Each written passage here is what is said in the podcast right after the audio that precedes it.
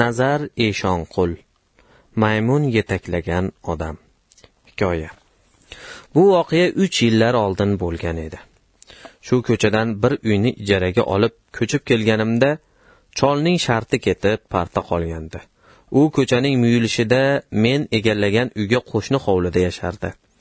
Uni birinchi marta uyining oldidagi eski o'rindiqda chuqur o'yga tolgan holda ko'rgan edim. U qovoqlari soliq soqoli qirilmagan bir paytlar semiz bo'lgan ajinlar taram taram qilib tashlangan ko'rimsiz yuzi badjahl ma'budlarning haykaliga o'xshab ketar unga qaragan odamning yuragi noxush bir hisdan orqaga tortardi. Ko'zlari hissiz va ifodasiz egnida elliginchi yillarning andozasiga tikilgan ancha salobatli kitel bag'baqasi osilib turgan holda o'ychan o'tirardi. Mashinadan kitoblarni katta etakda tashib kirayotganimda go'yo atrofidagi olamdan endi hech bir iltifot kutmay qo'ygandek hech narsaning qizig'i qolmagandek menga e'tiborsiz bir ko'z tashladi da so'ng yana o'z holatida yerga qarab o'tiraverdi. Bir necha kundan so'ng uy bekasidan bu cholning bir paytlar tuzukkina rassom bo'lganini ayni ham hozir ham surat chizib turishini eshitib hayron qoldim. Uni hayotda omadi chopmagan biron amaldor bo'lsa kerak deb taxmin qilgandim. Keyinchalik cholni tez tez o'sha kitilida go'yo necha qadam umri qolganini o'lchab yurgandek og'ir qadamlar bilan uyiga yoki ko'cha boshidagi oziq ovqat do'koniga qarab ketayotganini gohida esa mahalla oshxonasida ovqatni titrab qaqshab yeb o'tirganini qovoqlari ostida odamlarga adovat bilan tikilib tikilib qo'yganini ko'rib qolardim. Zaharli odamni bo'g'ib holsiz qilib qo'yadigan bu adovat menga o'shanda butun o'shanda uning butun tanasidan vujudidan qoqshol bo'lib qolgan barcha qon tomirlaridan hamda chakalakzor ichidagi tilsimli qo'rg'on kabi menga noma'lum bo'lgan umr qal'asidan ufurayotgandek tuyulgandi. Uni ko'rsam negadir yuragim g'ash tortadigan ko'nglim behuzur bo'ladigan kayfiyatim buziladigan bo'lib qolgandi. Vaholanki hali u bilan salom alikdan nariga o'tmagandik. Menga avvalo uning turqi yoqmasdi. Nochor holiga qaramay odamlarga kibr aralash dimog' firog' bilan qarar hammaga yotsirab shubha bilan tikilar go'yo o'zini bir umr har bir kishiga shunday tikilib o'tgandek tutardi. Bir kuni uy bekasi mendan cholga kechki ovqat chiqarib berishini iltimos qilib qoldi. Cholning sovuq yuzini eslardimu istihola qildim. Biroq yo'q deya olmadim. Eski uslubda qurilgan tor tabaqali eshikdan ichkariga kirdim. Chol katta ayvonda savat kursida o'tirgancha oldidagi surat romga tikilib olgandi. Cholning uyi hashamatli keng lekin tashlab ketilgan maydonday huvillab yotardi. Ustun va romlari chirigan umuman hovlidan chirkin va badbo'y hid kelardi. Chirkin hid daraxtlardan qor ostida qolib qarovsizlikdan xazonlikka yuz tutgan gulzorlardan uyning yog'ochlaridan va ayvonda qalashib yotgan har xil rasmlar uyumidan kelayotgan edi. Shaltoq hid esa qalashib yotgan har xil rasmlar uyumidan kelayotgan edi. Shaltoq hid esa axlat solingan unduqadan kelardi. Hayolim hayolimga birdan bir birdan bu unduqadagi axlatlarni chol umr bo'yi saqlab kelgan bo'lsa kerak degan fikr kelib qoldi. Hiddan ko'nglim ayniguday bo'lib chol o'tirgan ayvonga yo'l oldim. Chol menga e'tibor ham bermadi. Ajabsinib bir qarab qo'ydi-yu o'z ishini davom ettiraverdi. U qandaydir bo'yog'i ko'p surat chizayotgan edi. Nariroqda turgan kichkina xontaxtani keltirib sholning oldiga qo'ydim. U endi ham e'tibor bermadi. U o'ziga ovqat keltirib berishlariga ko'nikib qolgan edi shekilli. Shunda uning qo'llari qaltirab bo'yoqlarni chaplab yuborayotganini sezib qoldim. Cholning oldiga ovqatni ham qo'yganimdan so'ng u chizishdan to'xtab xontaxtaga o'girildi va bo'yoqli qo'llari bilan nonni bemalol sindirdi og'ziga tutdi. Yorilib qolgan lablari orasida orasidan chirigan ko'm ko'k tishlari ko'rindi. Shunda men yana uning qandaydir badjahl ma'budning haykaliga juda o'xshab ketishini sezdim. U bu yerdaligimni ham unutganday xurillatib imillab chollarga xos lanjlik bilan ovqatlanar va og'zining ikki chetida lag'monning suyug'i yana kosaga oqib tushar boshi qalt qalt titrar bo'yinlarida tirishib qolgan tomirlari yutunganda bo'rtib ko'karib ketar ko'zlari horg'in yoshlanib turar. Har dam har damda qansharini o'z qo'li bilan qashirdi. Bu unga odat edi. Chog'i qanshari turli bo'yoqlarga belanib qolgandi. Qo'llari qoshiqni madorsizlik bilan ko'tararkan uning shu soniyada yana ham ifodasiz tusga kirgan yuziga qarab ovqatni ham eplab icholmaydigan asabiy va ro'dopo cholning rassom ekanligiga shadayam ishongim kelmasdi. Suratlaringizni ko'rsam bo'ladimi? Yigirmanchi yillardagi suratlaringizni deb so'radim. Undan shubhamni bildirmaslikka kirishib. Chol bamayli xotir kavshandi da menga qaramasdan o'ziga buning aloqasi yo'qday. Go'yo bir uyum axlatni ko'rsatayotgandek ijirg'anib qo'li bilan ayvonning to'rini ko'rsatdi. Hammasi tartib bilan terib qo'yilgan. U tomondan boshlanadi dedi hayqiroq tovushda. Uning tovushi ham shunchalik sovuq ediki beixtiyor etim junjikib ketdi. Indamay ayvonning to'riga qarab yo'l oldim. Cholning yigirmanchi yillardagi suratlarini shu ko'chadagi bir ikkita san'atdan xabardor kishilar maqtashgandi. Muzeyda ishlaydigan o'rtog'im ham cholning suratlari ko'rgazmaga qo'yilganini aytgandi. Chol yigirmanchi yillarda komsomol bo'l komsomol bo'lgan va bosmachilarga qarshi kurashgan yangi hayot qurishda faol ishtirok etgan deyishgandi. Yigirmanchi yillarning shiddatli shamoli uni yuksak parvozlarga ko'targan o'ttizinchi yillarda mas'ul vazifalarda ishlagan deb hikoya qilishgan. U o'sha amalida toki iste'foga chiqarib yuborish kunlarigacha uzoq yillar ishlagan ekan. Ko'chadagilar uning o'sha davr faoliyatini mishmishlar bilan qo'shib chatib hikoya qilishardi. Chol ishdan ketgach mana shu eski uyga qamalib olgan hech kimga qo'shilmaydi bir vaqtlar o'zi ozor bergan kishilarni ko'rgisi kelmaydi deyishardi. Cholning xotini elliginchi yillarning oxirida o'lib ketgan. Faqat istarasi o'zinikidan ham sovuq yolg'iz o'g'li bor edi. O'g'li qimorvoz avvallari kissavur bo'lgan keyin qotillik qilgani uchun qamalib ketgan endi esa qimorning orqasidan kun ko'rar ekan. U juda jizzaki yigit edi. Uni ikki marta ko'chada ko'rgandim. Aytishlaricha u shaharning chekkasidan bir chekkasida bir beva bilan yashar va oyda yilda otasiga bir ko'rinish berar. Shunda ham har doim janjal bilan jo'nab ketar edi. U cholning oldiga ko'pincha birdan bir maqsad bilan pul so'rab kelar. Agar topib bermasa g'avg'o ko'tarar. Hatto ikki marta otasini urib ketgan deb aytishardi. Ko'plar cholning puli bor lekin hech kimga hatto o'g'liga ham ravo ko'rmaydi juda hasis deyishardi. Kim biladi o'g'li ham otasi haqida shunday o'ylasa kerak u otasini zarracha hurmat qilmasdi. Uning ovozini ko'chadan o'tib borayotib eshitib qolgandim. Hech narsani bilmayman deb baqirardi. Va u qandaydir qirindi tovushda. Agar topib bermasangiz sizga qo'shib uyga ham o't qo'yaman. So'ng taraq turuqlar ixrashlar cholning nimadir deb so'kingani eshitiladi. Kechqurun uy bekasi o'g'li cholni urib ketganini aytgandi. Cholning ayvoni unga ustaxona vazifasini o'tasa kerak. Oldi oynali yozda derazalarni lang ochib salqinlatib qo'ysa bo'ladigan keng go'sha edi.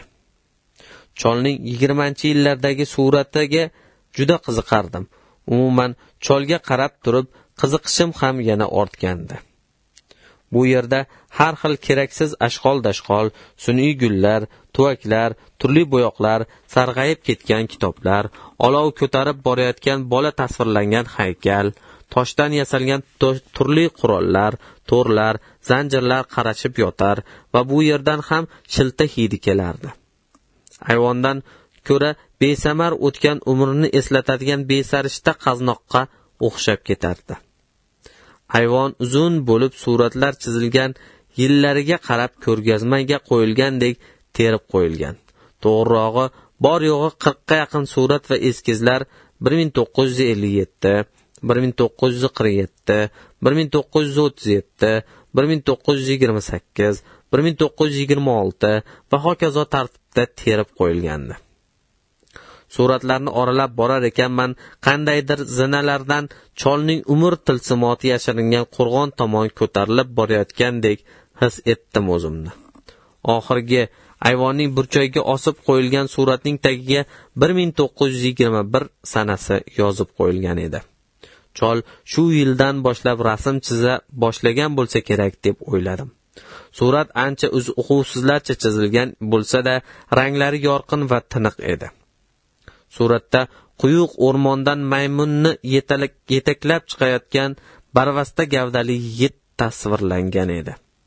Yigitning ko'zlari tiyrak va ishonch bilan porlab turar. Maymunning bo'yniga solingan kishan tarang tortilgan edi. Rasmda chol nima demoqchi bo'lganini tushunmasamda lekin yigitning yuzidagi ishonchdan hayratga tushdim. Qizg'ish va javdari bo'yoq yigitning ko'nglidagi hissiyotni to'la aks ettira olgan edi. Keyingi suratlarda cholning qo'li ancha kelishib bo'yoqlar tiniq o'z o'rnini topgan tabiat manzaralari tobora go'zallashib borardi. Ranglar ham turfa xil edi.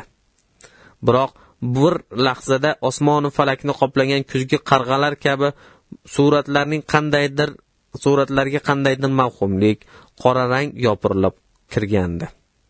Qora bo'yoqning suratdan suratga ortib borishi meni hayratga soldi.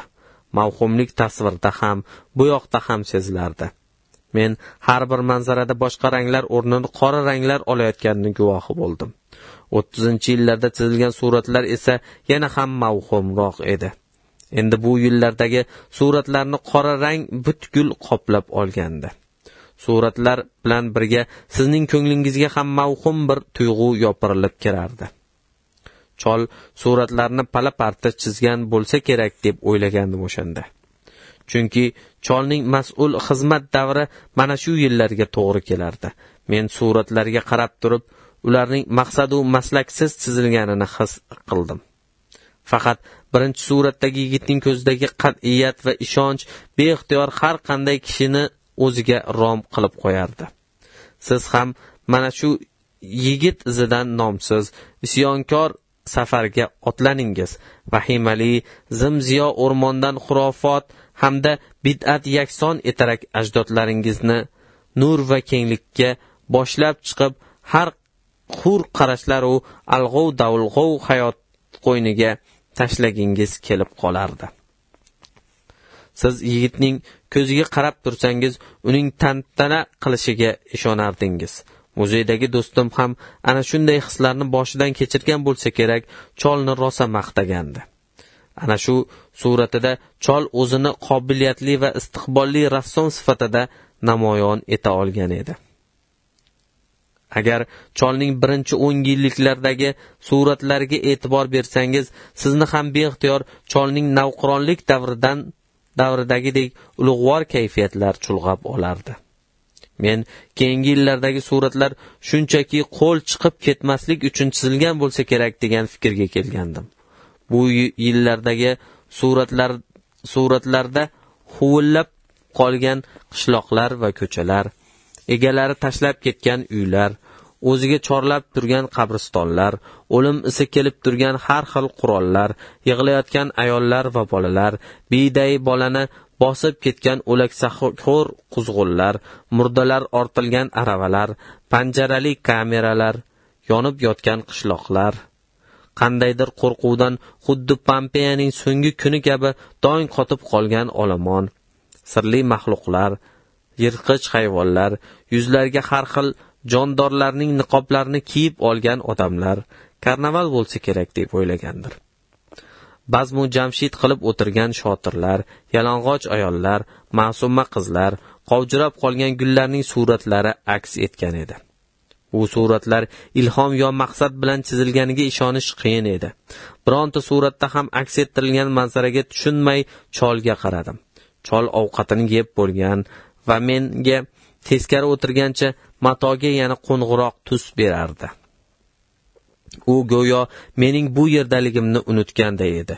Cholning keyingi suratlarida bironta ham mukammal tasvirlangan odamni ko'rmadim. Hamma suratlar bo'yoqlarning mato yuziga chaplab tashlanganidan iborat edi. U suratlarda bu suratlarga xos mavhumlikdan hayratga tushdim. Chunki bilishimcha chol bularni eng yaxshi suratlari ichidan tanlab terib qo'ygan edi. O'sha kuni men cholning mahalladoshlari vaqtaganchalik rassom ekanligiga sira ishonmadim va uning suratlarini ko'rib yana ham hafsalam pir bo'ldi. Bu suratlar menga umid qo'shinlari tashlab ketgan umrning tashlandiq qarorgohlariga o'xshab tuyuldi. Endi uni shunchaki nomiga maqtashgan bo'lsa kerak deya o'ylagan o'ylay boshladim. Suratlardagi mavhumlik negadir yuragimni g'ash qilgandi. Biroq cholning hayoti bir paytlar bir kechada porlab ochilgan guldek to'siq bilmas shiddat bilan boshlanganini so'ng bu shiddat hayotning mavhum irmoqlariga xuddi yoz yomg'iri jazirama sahroga singani kabi qo'shilib ketgan degan xulosaga keldim. Uning o'sha navqironlik davrini eslatdi. Nigoh qontalash va shilpiqlanib qolgan bo'lsa ham hali tiyraklik bilan tikiladigan ko'zlaridagina qolgan edi. Bu ko'zlar ham har qanday ishonch va umiddan mahrum edi. Cholning yoniga qaytar ekanman u chizayotgan suratga bir zum ko'z tashladim. Ustiga chang tushmasin deb doka yopib qo'ygan suratda odamning va qandaydir hayvonning oyoqlari tasvirini ko'rdim. Bu va bu hol meni biroz hayratga soldi. Palatnoda nihoyat ko'p yillardan keyin odam surati paydo bo'lgan edi. Surat hali chala edi. Munkayib qolgan chol surat qarshisida tiz cho'kib turganga o'xshardi. Bo'yoqlar ham cholga zo'rg'a bo'ysunar. Go'yo ular ham bu behuda va mavhum manzaralarni aks ettirishdan butkul charchaganday edi. Xo'sh dedi u mening idish tovoqni yig'ishtira boshlaganimni ko'rib. Suratlar sizga yoqdimi? Yelka qisdim va bu suratlarga tushunmaganligimni aytdim. U charchaganidan milklariga yosh sizib chiqqan horg'in ko'zlarini menga achingandek bir zum qadab turdi da keyin bosh silkidi. Ha to'g'ri biz tushunarsiz yashadik dedi g'amgin tusda. Har bosgan qadamimiz odamlar uchun shubhali va qorong'u bo'lib qolgan.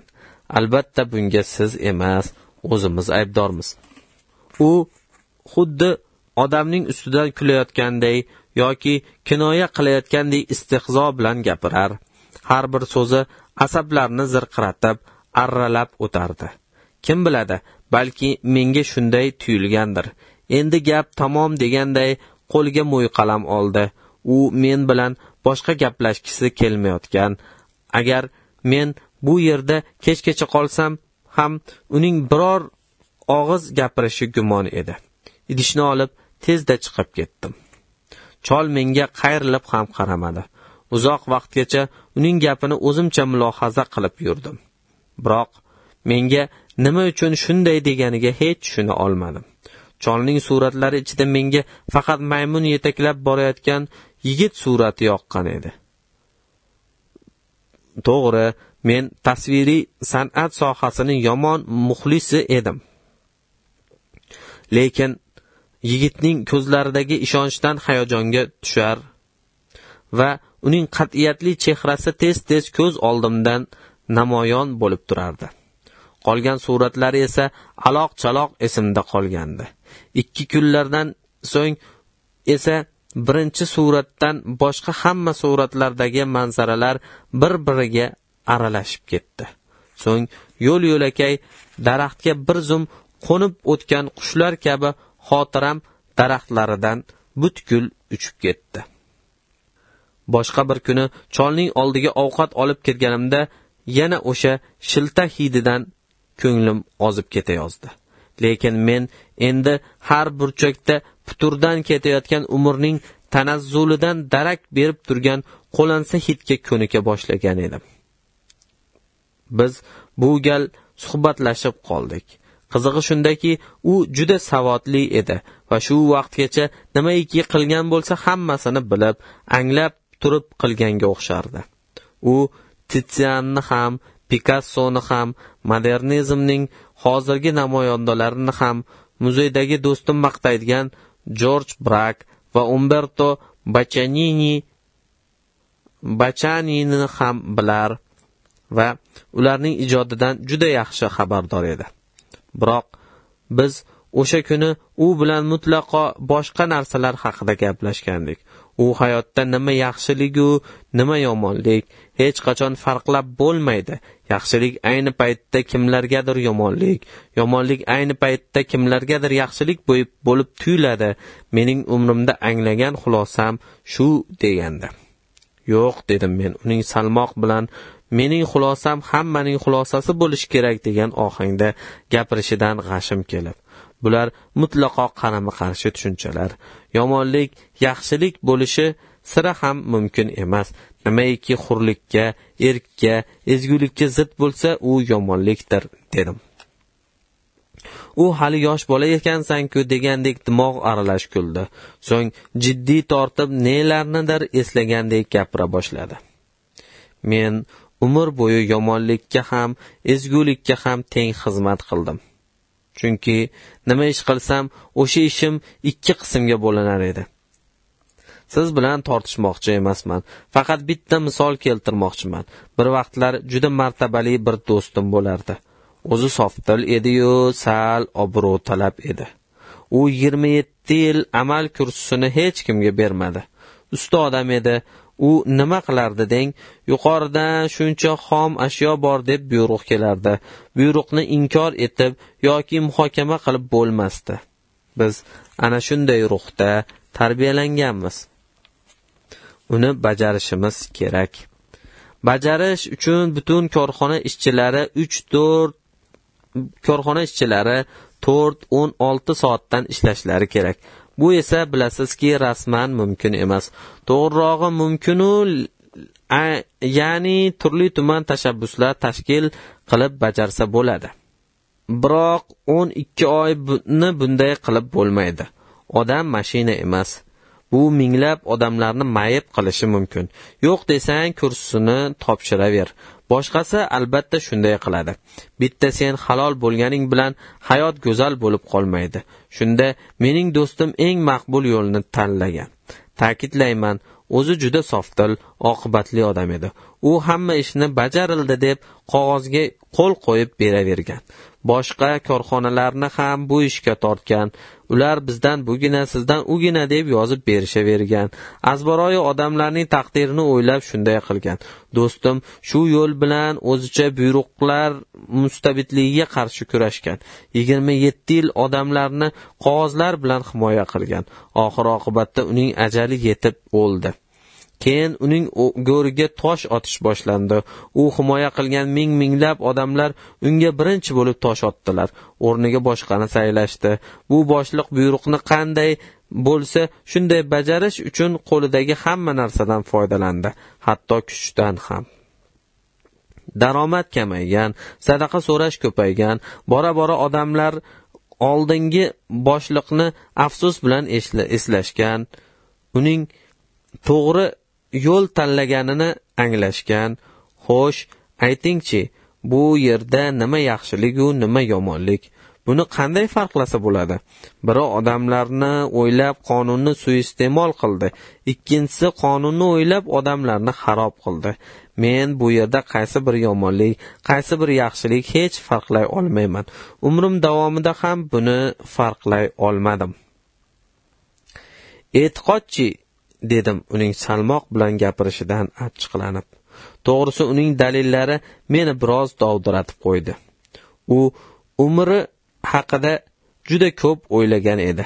Aftidan shuning uchun qat'iyat va ishonch bilan gapirardi.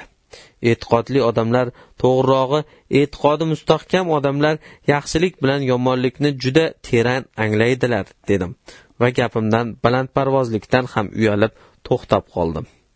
E'tiqod dedi u g'ussali ohangda.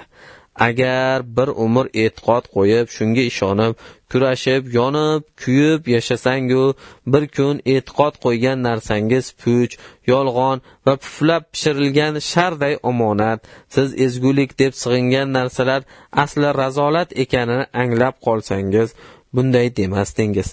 Ana shunda umringiz yomonlik bilan yaxshilikning farqi qolmagan xuddi ana shunda ana shu yo'ldan chiqib ketgan shaldir shuldir bo'm bo'sh aravaga aylanardi. Siz esa bo'shliqni to'ldirish va aravaga nimadir yuklash uchun har qanday yovuzlikdan ham qaytmasdingiz. Shumi e'tiqod men bu so'zni ishlatmay qo'yganimga ham qirq yildan oshib ketdi.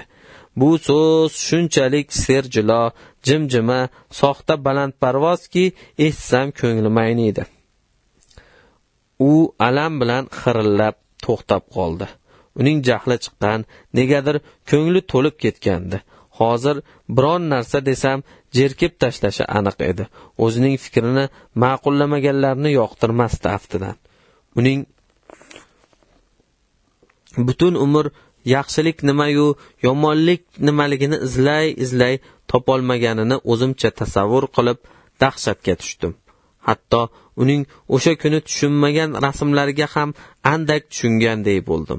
Bu suratlar o'z o'ziga ishonmagan umrini turli aldovlar va yupanchlar bilan behuda o'tkazgan odamning hayot haqidagi o'ylari uning mavhumlikka mustahiq qalbining parcha parchalari haqidagi o'ylari uning mavhumlikka mustahiq qalbining parcha parchalari edi. Umri poyoniga yetgan sayin dunyoning beshafqat xulosalaridan qochib u mana shu mavhumlik va yolg'izlikning quyuq o'rmoniga yashiringandi. O'zining o'tgan umriga mana shu yolg'izlik qo'ynidan turib nazar solmoqchi o'z umriga ham xulosalar yashamoqchi edi. Shekilli uning gaplaridan bu sezilar lekin menimcha o'ziga zarur xulosani hanuz topolmagandi. Uning yolg'iz hayoti menga chirigan daraxtning yemirilayotgan yemirilayotgandek mudhish bo'lib tuyulgandi. Aftidan yolg'izlik uning so'nggi boshpanasiga aylangandi. Uning gaplarida odamning vujudini zaharlovchi nimadir bor edi. U bilan chorak soat gaplashib o'zimni yomon his qila boshladim. Nimagaki ishonsam chol hammasini chilparchin qilib tashlagan meni ham o'zining ishonchsizligi bilan zaharlab ulgurgandi. O'sha kundan so'ng men ichimga kirib olgan cholning qiyofasidagi shaytonni vujudimdan quvib chiqarguncha uzoq vaqt o'z ko'nglimni o'zim ko'tarib faqat quvnoq hikoyatlar hikoyalar o'qib yurdim. Cholning oldiga qaytib chiqmadim. Hovlidagi chirkin va shilta hididan cholning qo'lansa gaplaridan hamon o'zimga kelolmayotgandim. Eslasam ko'nglim aynir birdan hamma narsaga qiziqishim yo'qolar edi. Uy bekasi haftada bir marta cholga ovqat kiritib turar. Uning uning berilib uning berilib qandaydir surat chizayotganini aytardi. U suratlarga tushunmasdi. Shuningdek cholni ham yomon ko'rar lekin qarovsiz cholga butun ko'cha ovqat kiritib turgani uchun ulardan ayrilgisi kelmasdi. Umuman beva ayollarda tabiiy shafqat hissi bo'ladi. Ularning ko'ngli yumshoq tez ta'sirlanib tez xafa bo'lishadi. Men bora bora cholning suratlari bilan ham uning taqdiri bilan ham qiziqmay qo'ydim. O'sha paytda onettining hikoyalarini tarjima qilayotgandim. Chol kamdan kam esimga kelardi. Esimga tushgan onlari esa ko'z oldimda qora sharpa kabi paydo bo'lar. Bu sharpa meni tinmay ta'qib etardi.